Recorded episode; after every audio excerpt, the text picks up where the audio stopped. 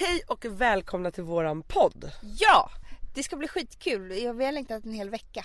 Ja och det är ju så här, Amanda outade ju i onsdags att hon är Gravid! Ja! Och därför så tänkte vi att vi skulle eh, spendera den närmaste halvtimman med att Alltså man kan ju prata om det hur mycket som helst. Ja. Men vi ska i alla fall försöka prata lite om graviditet och förlossningar. Det är väl härligt? Så kom jag ut därifrån och sa det här till dig. Vi skrattade på, på ett helt sjukt sätt. Vi skrattade så vi höll på att kissa på oss. Alltså som att det här var det sjukaste sjukaste.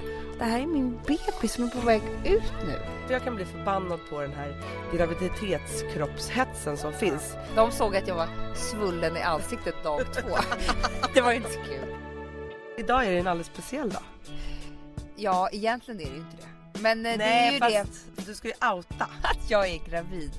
Men vet du vad som, jag vill faktiskt prata lite med dig om det här Anna. Ja. För att det finns ju det här med att det är så eh, fult att eh, outa tidigt att man är gravid.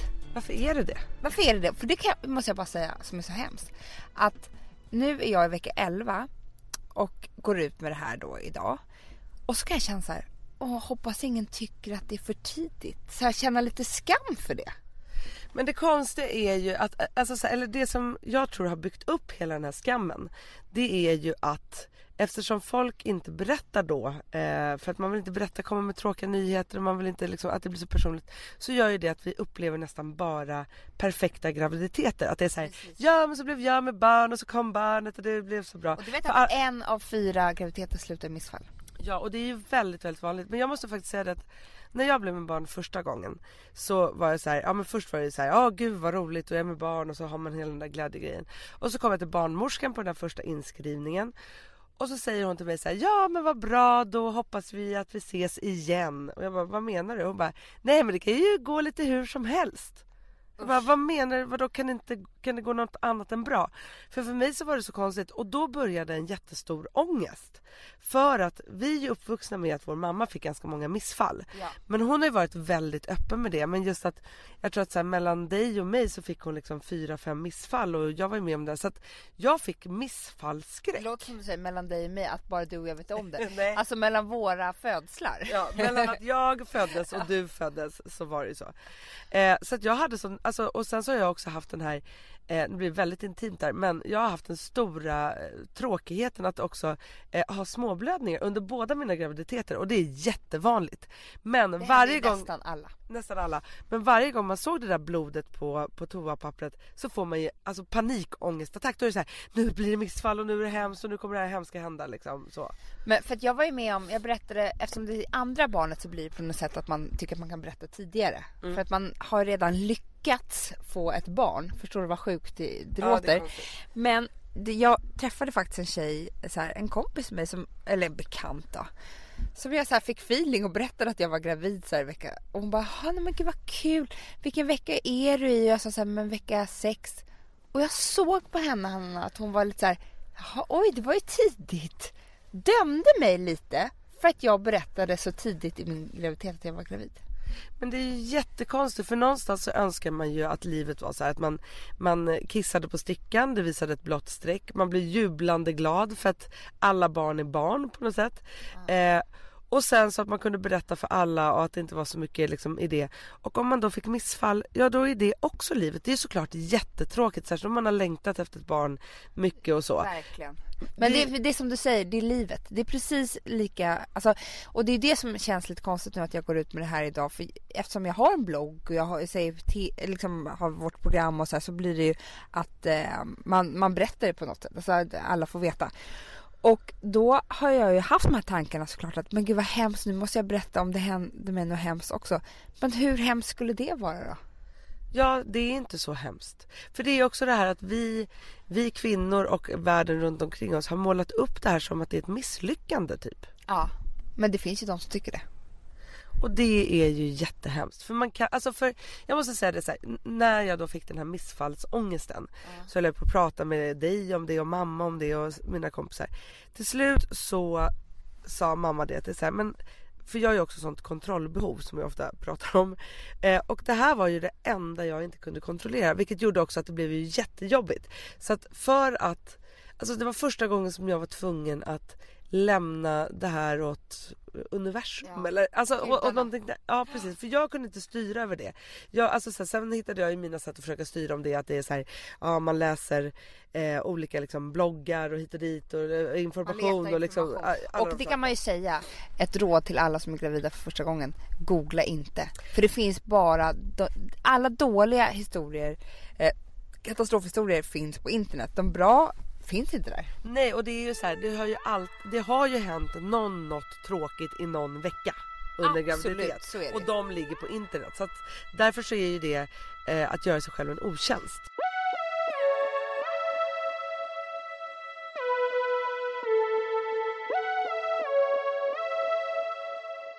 Men kan vi prata om det här som är så, också så fult nu när vi pratar om det som är så skamligt med graviditet. Att de första veckorna, jag vet inte om det här händer alla eftersom att ingen pratar om det, men det händer i alla fall mig och jag vet att det händer dig också. Det är att man, hela kroppen fylls av hormoner som är, tänk så här PMS gånger tusen och man blir typ suicidal. Alltså det, man, blir, man får, alltså man, man är verkligen inte klar i hjärnan. Utan Nej, allt- om man är hormonkänslig Ja. så är ju det här, alltså så här, för det första så är ju både du och jag sådana eftersom det här måste vara medärvt eller något.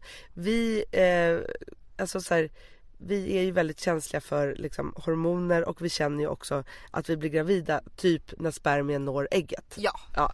Eh, och det, är- för jag har ju alltid drömt om så här, tänk om man kunde få veta i vecka 10, bara åh jag är med barn så är det liksom allt det där jobbiga. efteråt. Ja, en timme efteråt. Men det hormonpåslaget då som vältrar över en, gör, för man, man vill ju vara så himla glad. Men alla är så här, nej men det är inte sant och får typ en, så här, en tår i ögat. Man bara, åh gud, jag får inte en tår i ögat för jag tycker livet är skit just nu. Och må, men man ska vara glad över det här men liksom bara vill sitta in i ett rum och gråta typ. Och äta Stäng- prinsesstårta. Stäng in mig där och öppna om tre månader. Man är en hemsk, vidrig person och man så här, är så känslig och gråter. Och inte så att jag sitter och tittar på film och gråter. Jag gråter för att livet är skit. Förstår du? Men det är så, jag brukar säga det, jag tycker inte att man skulle behöva, alltså få vara, eller ja det kan man få vara också. Men just det här att man, ofta så är man ju sjukskriven eller man går på mammaledighet en månad innan man föder barnet. Då mår man ganska bra. Okej att man är tung och trött och liksom Ja men alltihopa. då är det så nära. Men jag tycker att man skulle härligt. vara sjuk, få vara sjukskriven den första månaden. Ja men gud. Det är precis vad jag hade behövt. För man är så trött också så man inte, det är inte klokt. Man får inte berätta för någon så det är så här he- hem. Ja, men det är så jobbigt. Men sen måste man bara säga om, om det är ett gäng gravida där ute som eh, är i de här veckorna, det är första gången. Så är det ju så att sen kommer typ vecka 12 eller något sånt där och helt plötsligt bara så tänds ett litet ljus och lusten kommer tillbaka och ångesten försvinner. Alltså det blir bättre. Kan vi inte bara så här backa tillbaka lite? Nu kommer ju ett gäng säga så här när du går ut med den här nyheten. Bara, vad var det jag visste? För att dina bloggläsare känner ju dig tydligen bättre än dig själv. Ja. De såg att jag var svullen i ansiktet dag två. det var inte så kul.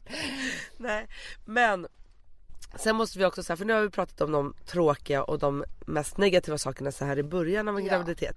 Men jag, ville bara, jag tyckte bara att det var viktigt bara för att det är så skamligt. Man får inte berätta om det. Och därför Nej. gör vi det.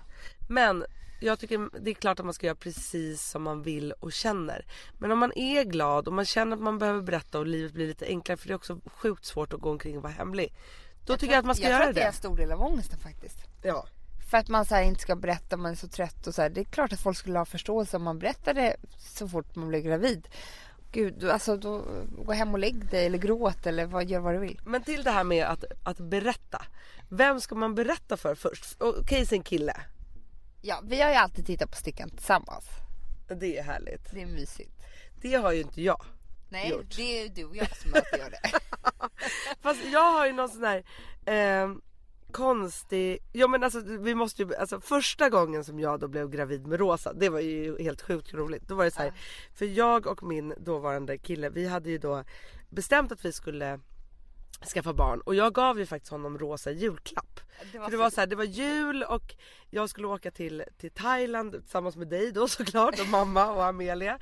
Eh, och så tänkte jag så här, vad ska jag ge honom i julklapp? Och han ju varit så här, men vi måste skaffa barn. Så här, vi har ju bara varit ihop en månad. Så tänkte jag så här, men det tar ju typ två år för alla att bli på smällen. Det hade man ju liksom hört. Så då så slog jag in ett litet papper i en jättefin ask och så skrev jag så här, från och med nu så skaffar vi barn typ. Och så eh, vi åt middag på teatergrillen jag lämnade över här och han typ grät en tår. Och, så, typ, Jättehärligt. jä- underbar julklapp. Det, det var som att du berättade att du var gravid. Ja, men det var verkligen så här, det var ju lite som att säga så här, nu kör vi det. Alltså det är ändå stort att bestämma att man ska ha barn tillsammans. Det är ju liksom som ett, ett nästan som ett ja, men frieri eller sånt. Ja, I vilket fall som helst så dagen efter så satte ju vi oss på ett plan till Thailand och så kom han ner lite senare och jag mådde ju så konstigt på den här Thailandsresan. Jag ville inte dricka, jag ville inte röka och jag ville inte, alltså jag stod typ och hängde på låset för att jag var så besatt av frukostäggen på, Och på det, det roligaste är att jag också var det. Jag bara, Hanna, de här äggen, de är helt, liksom, jag blev så här skengravid utan att du visste att du var gravid. Nej. Och så kom vi hem och vi höll då på att spela in eh, mitt Hanna-program och du var researcher där och, eller höll på där. Eh, och det var ju så jag bara, åh gud jag kanske borde fått mens nu eller inte fast jag har någon liten blödning eller inte. Alltså, jag höll på att oja mig om det här. Så då i alla fall så sa ju du så här, ja men okej nu på lunchen. Nu åker, jo jag hade också kissat på någon sticka och tyckte strecket var svagt. Alltså jag höll på där. Jag tyckte det här var så liksom eh, eh, knasigt på alla sätt och vis. Och så åkte vi till Sofiahemmet. Ja.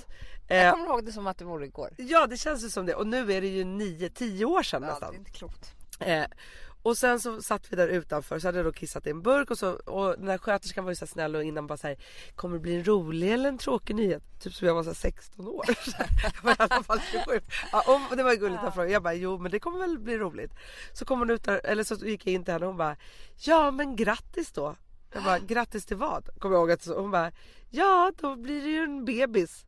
Och så kom jag ut därifrån och sa det här till dig. Vi skrattade på, på ett helt sjukt Ja, sätt. Vi skrattade så vi höll på att kissa på oss. Alltså som att det här var det sjukaste sjukaste.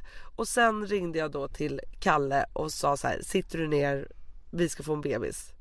Eh, och så var det ju det jättehärligt. Men det var verkligen så här, ja jag kissade på stickan med dig. Ja.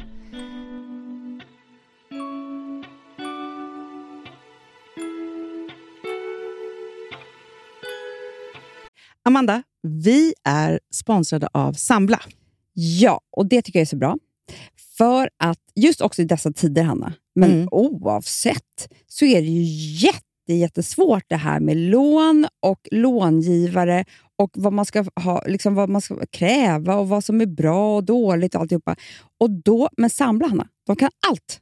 Ja, Alltså, Alltså, allt om det här. Sambla är en personlig jämförelsetjänst för lån och de alltså, jämför upp till 40 långivare, vilket hade tagit otroligt lång tid och jättemycket energi om man skulle göra det här själv. Mm. Och De hjälper ju dig som kund liksom, att jämföra dina långivare. Ja, men det är precis det de gör.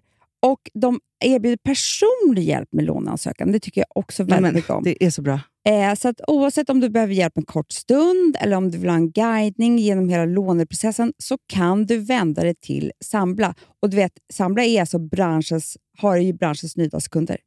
Fem stjärnor och 24 000 omdömen på Trustpilot. Då har man gjort ett bra jobb kan man säga. Mm. Så är det. Hörrni, in på sambla.se och ansök. Vi har ett betalt samarbete med Syn nikotinpåsar. Det här meddelandet riktar sig till dig som är över 25 år och redan använder nikotinprodukter. Syn innehåller nikotin som är ett mycket beroendeframkallande ämne och Syn kommer i olika smaker, styrkor och format. Nu lanserar Syn en helt ny smak inom mint. Syn Slim Cool Frost, som har en tydlig smak av kylande pepparmint och mentol. En långsmal helvit prilla. Och enligt 90 procent av 366 vuxna konsumenter så har den en långvarig smak. Läs mer på niko.com och klicka in på Syn. Och glöm inte att slänga din tomma dosa i plaståtervinningen. Woof! ja, det var kul. Mm, Jag är lite mer så här. Ja, det, man måste, när, när man pratar, alltså vi sponsrar Prima Dog och när man pratar med den där, jag känner så att alla woofande måste vara med. Det finns ju de som säger ruff, ruff, och så finns det ruff. Alltså, det, det finns ju Det många... här är mera Fonzie. Han, han skäller inte så mycket, men han låter så här. Ruff, Han har så, sån. eller hur? Så, ja, det har han faktiskt. Får jag, säga, jag skickade ett klipp till dig. Contemporary dance med hund. Du, det är så Fonzie dansar när han får prima dogmat. För att, Ja, vet du varför? Den är så snäll mot magen. Han får en helt bekymmersfri vardag. För du vet, magen, den måste man ta hand om. verkligen. Nej, men så här, och Prima Dog har ju torrfoder, våtfoder, godis och tugg i sortimentet. Alltså tugg är ah. som de skulle hålla på att tugga på. Det är, faktiskt, det är Fonzies favorit faktiskt. Tugget. Ja, men han har ju också börjat älska våtfoder. Mm-hmm. Det skulle jag det också kanske tycka var go- Ja, gott. men jag, jag förstår honom faktiskt. Men det är alltså vetefria produkter med mycket kött. Och det är det som jag tror är så bra. Produkterna finns ju online, i välsorterade djuraffärer och i dagligvaruhandeln. Alltså jag skulle vilja att du och Fonzie lär er contemporary dans. Det var ju som agility fast med dans. Mm, ja, ja, vi ska Ja. göra det. Jag tror att Prima Dog kommer vilja ha oss som ansiktet utåt Ja, men det är det jag känner. Ni dansar er fram till... Alltså för deras, jag älskar ju deras eh, liksom tagline och det är Taste of Nordic Happiness. Och liksom, Då måste dansen vara med. Ni kan gå in och läsa mer på primadog.se och snart se mig och Fonzie i en dans på en skärm nära er. Underbart!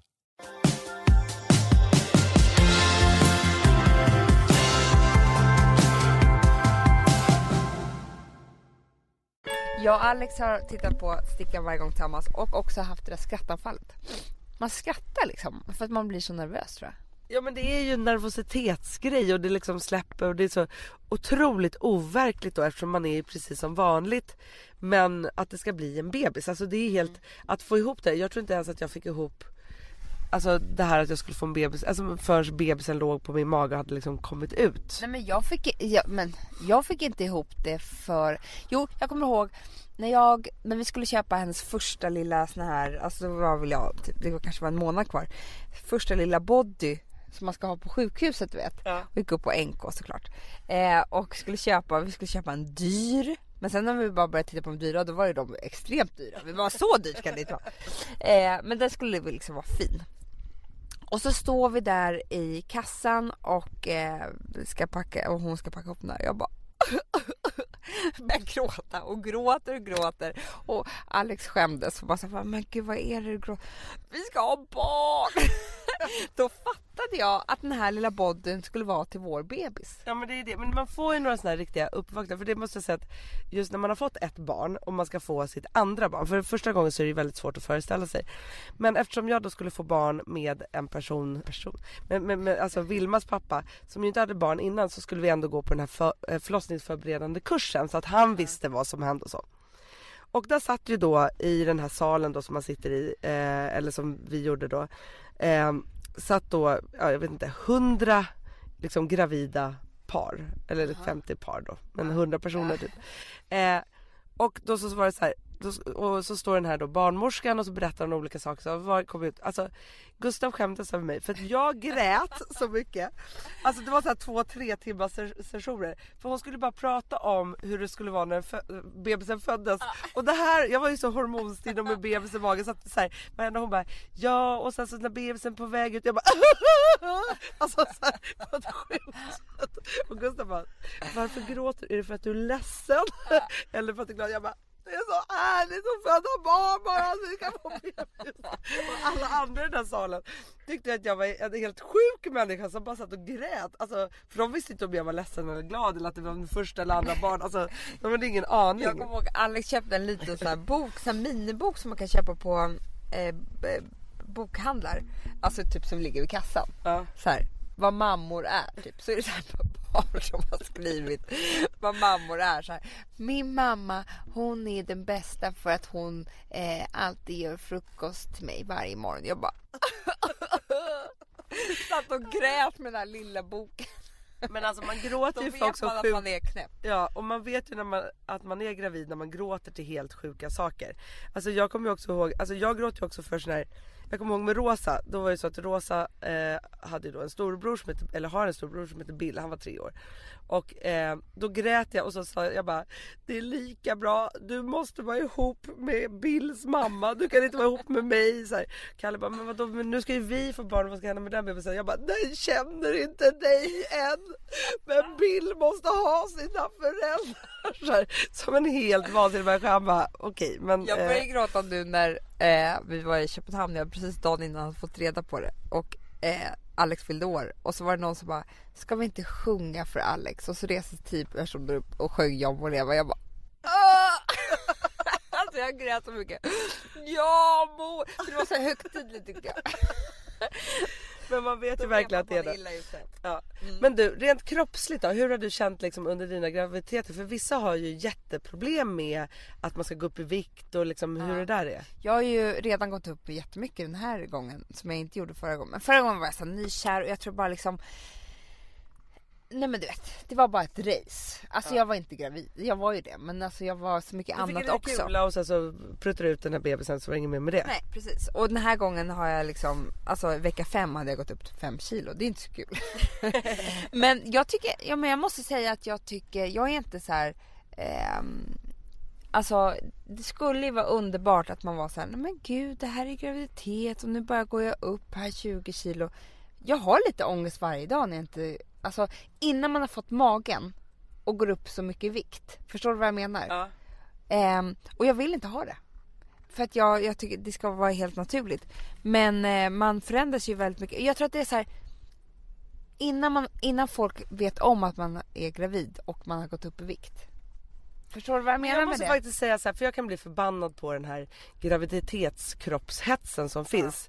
För någonstans så är det ju så att vissa, alltså för, förr i tiden, ja, men liksom för 10-15 år sedan.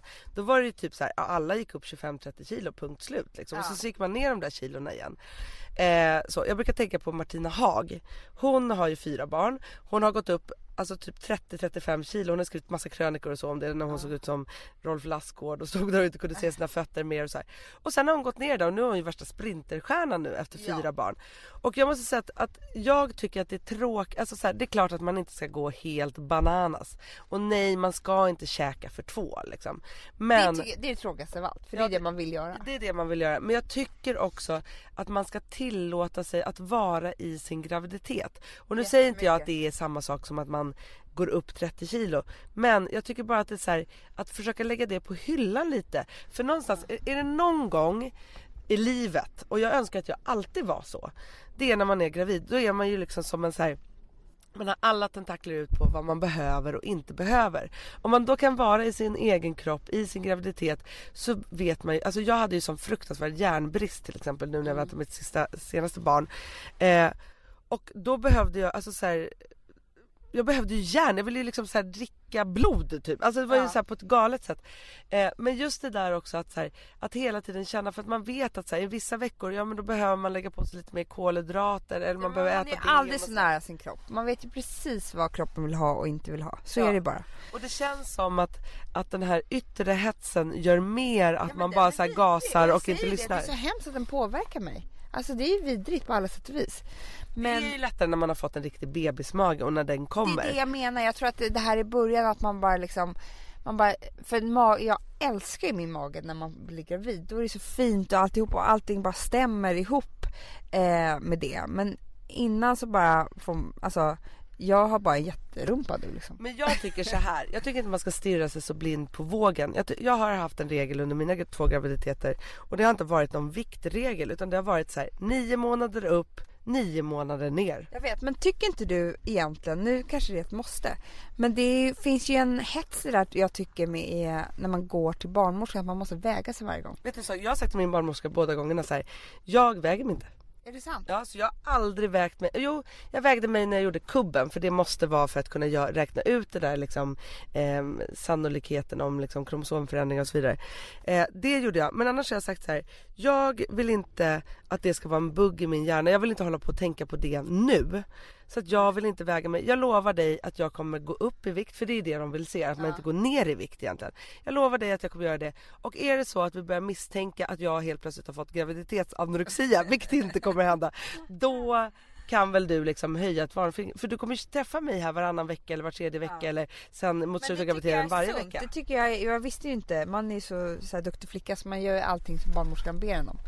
Eh, men det tycker jag är en bra idé Hanna, att man ska liksom, att man får säga det om man känner att man, för det är ju det, annars kan man ju så här skita i det, men att man så här ska bara, aha fyra kilo till, tre, tio kilo till, alltså att de ska hela tiden påminna om, om det är man kan ju mäta sig då så att man ser liksom att man har, och sen så är det ju så här, ja den där magen med vattnet och bebis och alltihopa. Jag väntar väldigt stora barn varje gång. Alltså mina bebisar väger ju liksom mellan 4 och 5 kilo. De är Ja. liksom bamsebebisar. Och det är också en sån här sak att, alltså så här, det där kan ju de hålla koll på med att mäta magen och liksom se det, där. verkligen. Och sen så tycker jag väl att man får ha lite liksom schyssta närstående som får säga så här: du mår du verkligen bra eller nu ser du glåm ut eller behöver du inte det här? För att det är väl om man inte kan ha koll på det själv så, får, så kanske man kan säga till någon så här, du kan du bara hålla koll på mig så att jag inte liksom helt plötsligt går bananas här på någonting liksom. Ja. Men mer också tänka på att det är så här, det är nio månader av ens liv eller nästan Ja, men- tio månader, 40 veckor. Och sen så har man ju all tid i världen att gå ner om det. Och det är så här, nej man Men gör vet- inte det för första två veckor. Det är lite så här också. Det är inte alltid så jättekul att vara gravid eftersom att man inte får vara med på allt det där. Man vill inte vara med på allt det där alla andra gör. Just därför så tycker jag att den här belöningen med att typ äta en bulle om dagen är rätt viktig. Förstår du vad jag menar? Ja men det är ju Att enda man något. man har är Förstår- ju, Ni hör att jag rapar, det är min graviditet. du har ju rapat och mått illa sen, har sen ett par veckor tillbaka. Ja, men det, jag, tror att det är Amanda där- ska kräkas lite. Ja men det, det kommer lite kräks upp då och då hela tiden. Det är inte så kul.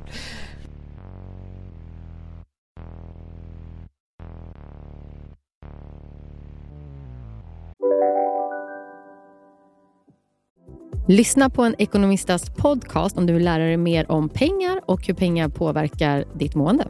Med mig Pingis Och med mig Hanna. i samarbete med Nordax Bank.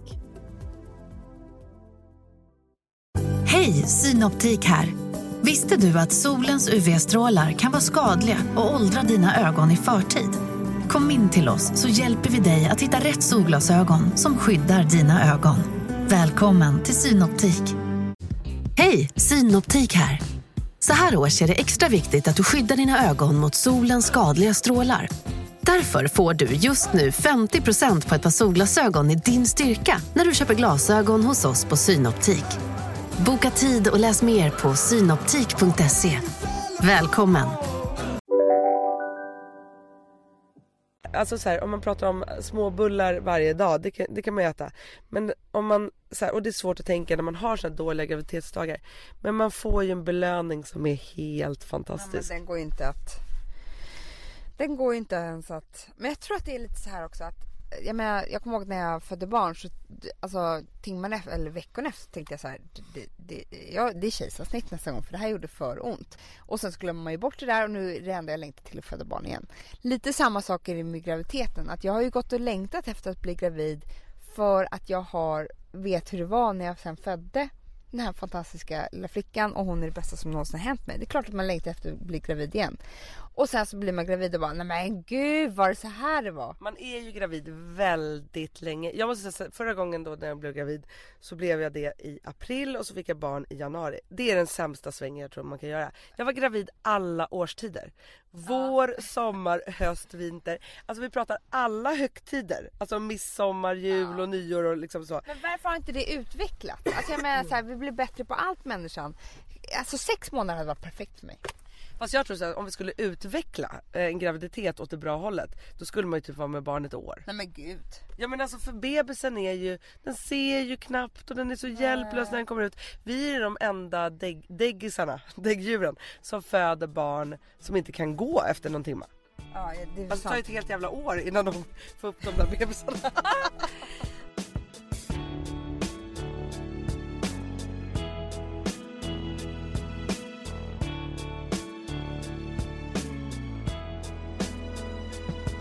Du, vi måste ändå, vi kan inte prata om graviditeter utan att jag måste få höra en snabb version av din förlossning, förra förlossning. För alla förlossning- gravida.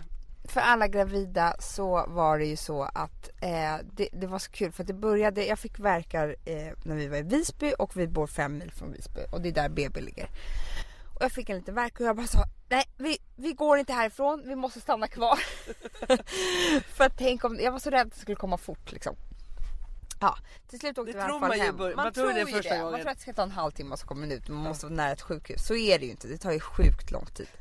Eh, men sen i alla fall så blev det där mer och mer och till slut så skulle vi åka in. Alex var så nervös, han hade precis tagit körkort och han skulle liksom köra in den här vägen och det skulle vara bråttom fast det var inte bråttom. Eh, han körde så fort, han, det för honom och sitta i den där, och som jag sitter i den där bilen så var det som om han körde 200 km i timmen. Det gjorde han inte. Han körde 75.